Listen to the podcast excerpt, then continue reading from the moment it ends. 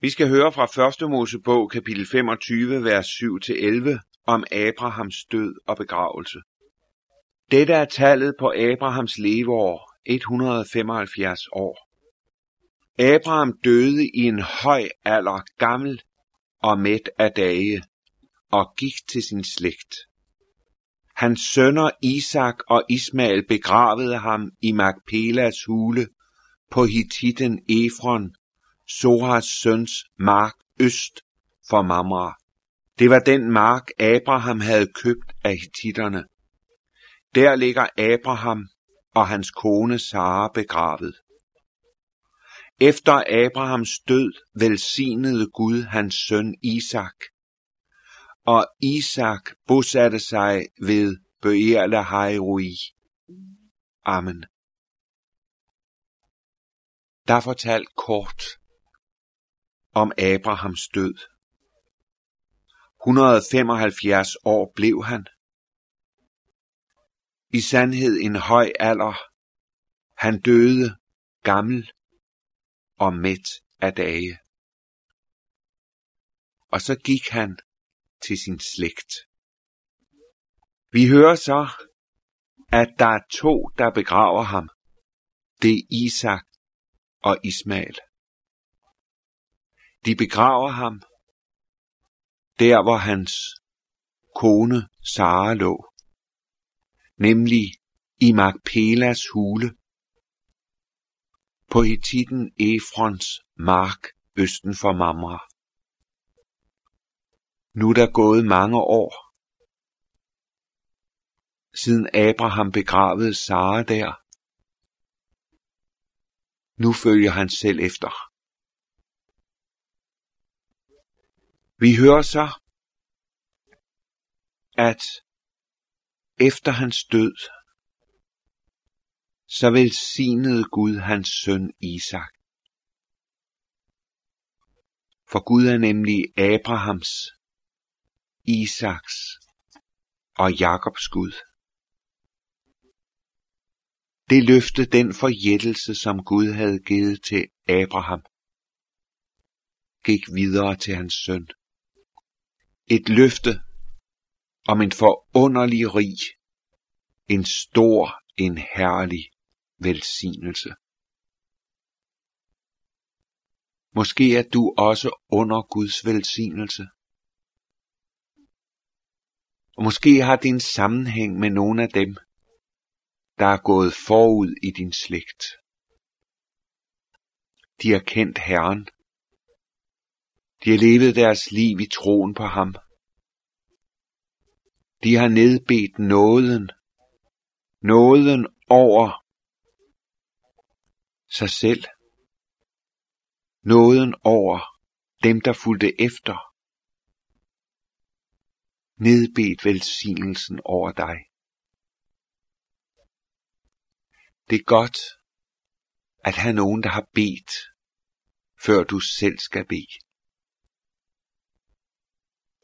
Det betyder nu ikke, at du er helt ildestet, hvis du ikke har det. Hvis du er den første i en slægtssammenhæng, der kender Herren. For der skal du nu vide, at du har den største og bedste af alle forbedere. Jesus Kristus selv. Og i kraft af ham, på grund af ham, så vil Gud velsigne dig velsigne dig rigt. Vi hører så, at Isak bosætter sig ved Bøela Hairoi. Og det navn skal du lægge mærke til. Det er en lokalitet, vi har hørt om før, i forbindelse med Hagar og Ismael. Du husker måske, at forholdet mellem Sarai og Hagar, der var hendes trælkvinde, det var dårligt. Dårligt, fordi Sara selv opfordrede Abraham til at gå ind til Hagar og få et barn med hende. Efter datidens skik var det nemlig sådan, at det barn, som trælkvinden fødte, skulle Sara have. Hun skulle betragte det og have lov til at betragte det som sit eget barn. Det fører til dette spændte forhold mellem Hagar og Sarai, at Hagar flygter ud i ørkenen. Og der møder Gud hende. Og på det sted taler Gud til hende. Du er en Gud, der ser. Det må hun sige om Gud. Fordi hun tænkte, har jeg virkelig på dette sted set ham, der ser mig? Du er en Gud, der ser. Isak boede der, hvor Guds øje hvilede over ham. Han havde en Gud, der så. Han havde en Gud, der ikke slumrede ved dag, ej heller ved nat. Altid så han. Han så alle ting. Hagar erfarede, at da det var aller, aller sværest i hendes liv, der kom Herren selv til hende. Der greb han ind, gav han hende et løfte, en forjættelse. Du er en Gud, der ser. Og de ord minder dig også om Abrahams offer på Moria bjerg. Abraham giver Moria bjerget det navn. Herren ser. Ser alle ting. Ser længere end noget menneske ser. Det blev ikke Abraham, der skulle bringe Isak som offer. Isak var ikke offerlammet, Guds offerlam. Nej, det var Jesus, der var det. Det så Gud. Han så helt frem, helt frem til løftesønnen. Du er en Gud, der ser.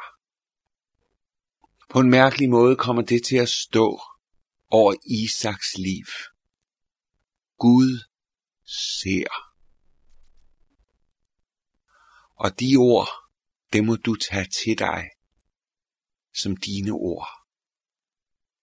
Gud han ser dig. Og der er du lykkelig, hvis du som Hagar kan sige det. Har jeg virkelig set et glimt af ham, som ser mig. Dag og nat er Guds øjne åbne over dig. Han følger dig. Aldrig er du ude af hans øjesyn. Hvor velsignet det er, når du får lov til at møde hans blik. Får et glimt af ham. Et blik af ham, som ser dig. Det er saligt. Det er rigt. Det er forunderligt. Abraham døde, gammel og mæt af dage.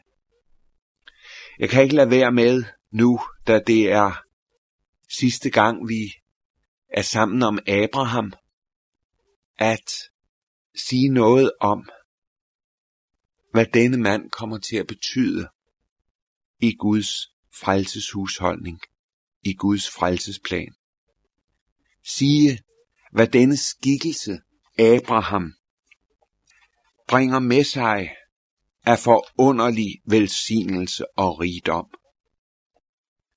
Først og fremmest skal det siges, at det største ved Abraham, det er hans forbindelse med Jesus selv.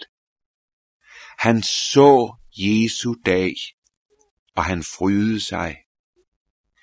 I Guds løfte til Abraham om, at i ham skulle alle jordens slægter velsignes, fik Abraham lov til at se frem, fremad mod ikke en talløs slægt, men en i denne slægt. Jesus selv, løftesønnen, Guds eget indgreb til verdens frelse. Det er det, vi hører om i det tredje kapitel i Galaterbrevet. Abraham er så også det store eksempel for os på, hvad det vil sige at tro. Og det er Paulus inde på i det fjerde kapitel i Romerbrevet. Der hører vi nemlig vers 3. Abraham troede Gud, og det blev regnet ham til retfærdighed. Så står der, den, der arbejder, får ikke løn som en nådesbevisning, men efter fortjeneste. Den derimod, der ikke arbejder, men tror på ham, som gør den ugudelige retfærdig. Ham regnes hans tro til retfærdighed. Ja, sådan siger Guds ord. Det store ved Abraham finder du ikke i hans arbejde, ikke i hans gerninger, ikke i hans offer, men i hans tro. I det, at han regner med det, som Gud har sagt. Han regner med løftesønnen, med forjættelsen. Han ser frem mod Kristi egen dag. Gud vil lære dig, at du skal regne med Jesus alene. Det er ham, du skal være vendt imod. Ikke dine former for arbejde, ikke det du kan præstere, men Herren alene. Regn du alene med ham. Sæt din lid til ham, som gør den ugudelige retfærdig. Skal ikke forstå sådan, at Gud gør, at du, der er ugudelig, pludselig bliver en anden, end du er. Nej. Han ser, du regner med Jesus. Og så lader han Jesus gælde for dig. Og så er du retfærdig. Ikke i det, du selv er, men i kraft af det, som Jesus er, i dit sted, på dine vegne, for dig. Og så kommer Paulus ellers med en dyb udredning af, hvad tro er. Tro, det er at tro med håb, mod håb. Vers 18. Abraham, han kunne se på, at hans liv, det var gået, og Saras liv var også gået, hendes moderliv var dødt. Men han tvivlede ikke i vantro på Guds løfte. For det, som Gud har sagt, det står det også i hans magt at udføre og det regnede Abraham med. Han har lovet det. Han vil også gøre det. Gud, han har givet dig et løfte. Og det løfte siger, at det som Jesus er og har gjort, det er nok. Der skal ikke lægges noget til. Mellem Gud og dig står Jesus alene. Dine gerninger står der ikke. Dine ofre står der ikke. Din bøn står der ikke. Din kamp står der ikke. Dine nederlag, dine sønder, alt det onde hos dig står der ikke. Der er kun én mellem Gud og dig. Det er Jesus. Og Jesus han når Gud, og han når dig. Han blev menneske i kød og blod. Han steg så dybt og så langt ned, så han når den dybest faldende med sin frelserhånd. Og så drager han dig op og så sætter han dig ind i alle de rettigheder, som han selv har for Gud. Abraham, han vidste, at det som Gud har sagt, det han har gjort i Jesus Kristus, det står ved magt. Det gør det for dig. Det gør det for mig. Det gør det for enhver, der i sig selv er ugudelig, men i sin fortabte tilstand griber om frelsens udrakte hånd. Det må du gøre, for vi kan ikke frelse os selv. Vi magter det ikke. Men der er en, der kan. Jesus, vores stedfortræder, vores forsoner. Det er ham, vi skal møde. Så skete der det med Abraham, at efterhånden som årene går, så blev han styrket i troen. Regnede mere og mere med det, fordi han vendte sig bort fra alt det, som han kunne registrere, og bandt sig stærkere og stærkere til Guds udsagn, til Guds forjættelse, til hans løftes ord. Med håb, imod håb, troede han. Det vil sige, han håbede, men når dette håb svandt, så satte han et nyt håb ind i stedet og sagde, nej, jeg vil ikke give mig vantro, tvivl, modløshed i vold. Jeg vil regne med, at det som Gud har lovet, har han også magt til at gøre. Han oplevede, at for hvert håb, der brast, så fik han i kraft af Guds løfte og forjættelse, som man ikke tvivlede på, der fik han styrke og kraft til at sætte et nyt håb ind. Han regnede med Herren. Og så er det sådan, som Paulus også understreger det i denne forbindelse.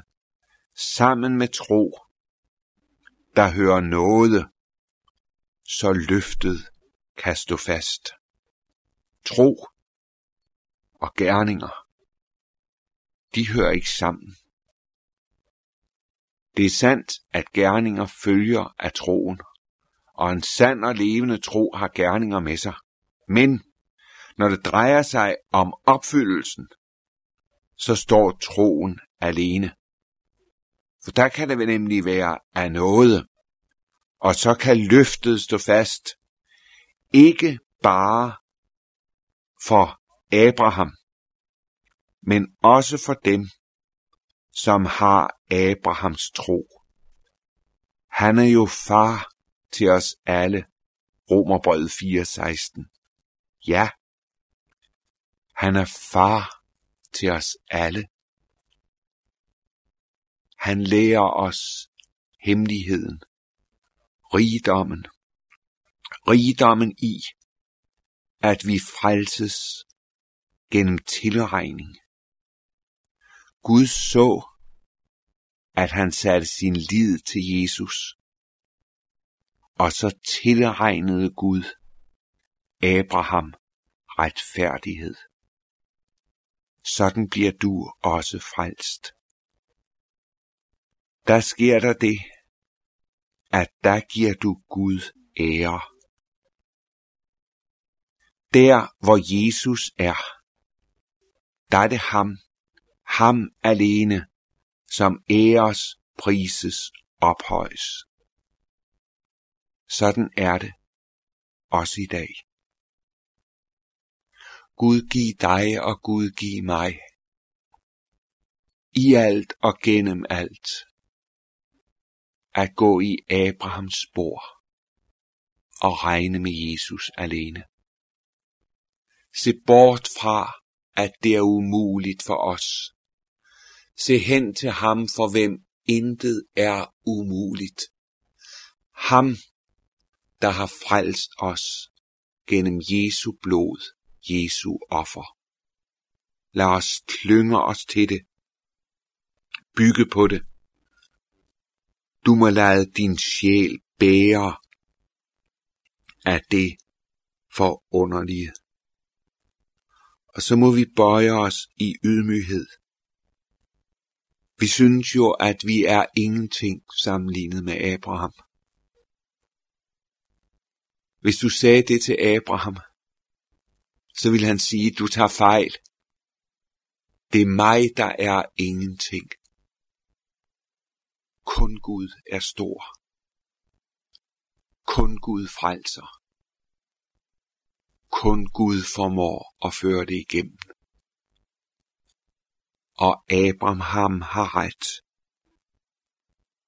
Han ønsker ikke, at vi skal ære ham. Nej, han ønsker, at Jesus skal have al ære, al pris, al tak i evighedernes evigheder. Lad os bede. Jesus, tak fordi vi får lov at regne med dig og bygge på dig. Og nu vil vi bede om,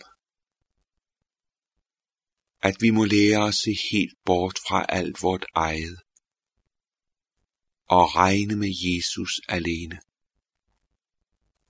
Så vi er inde under velsignelsen, den himmelske velsignelse i dit eget navn. Amen.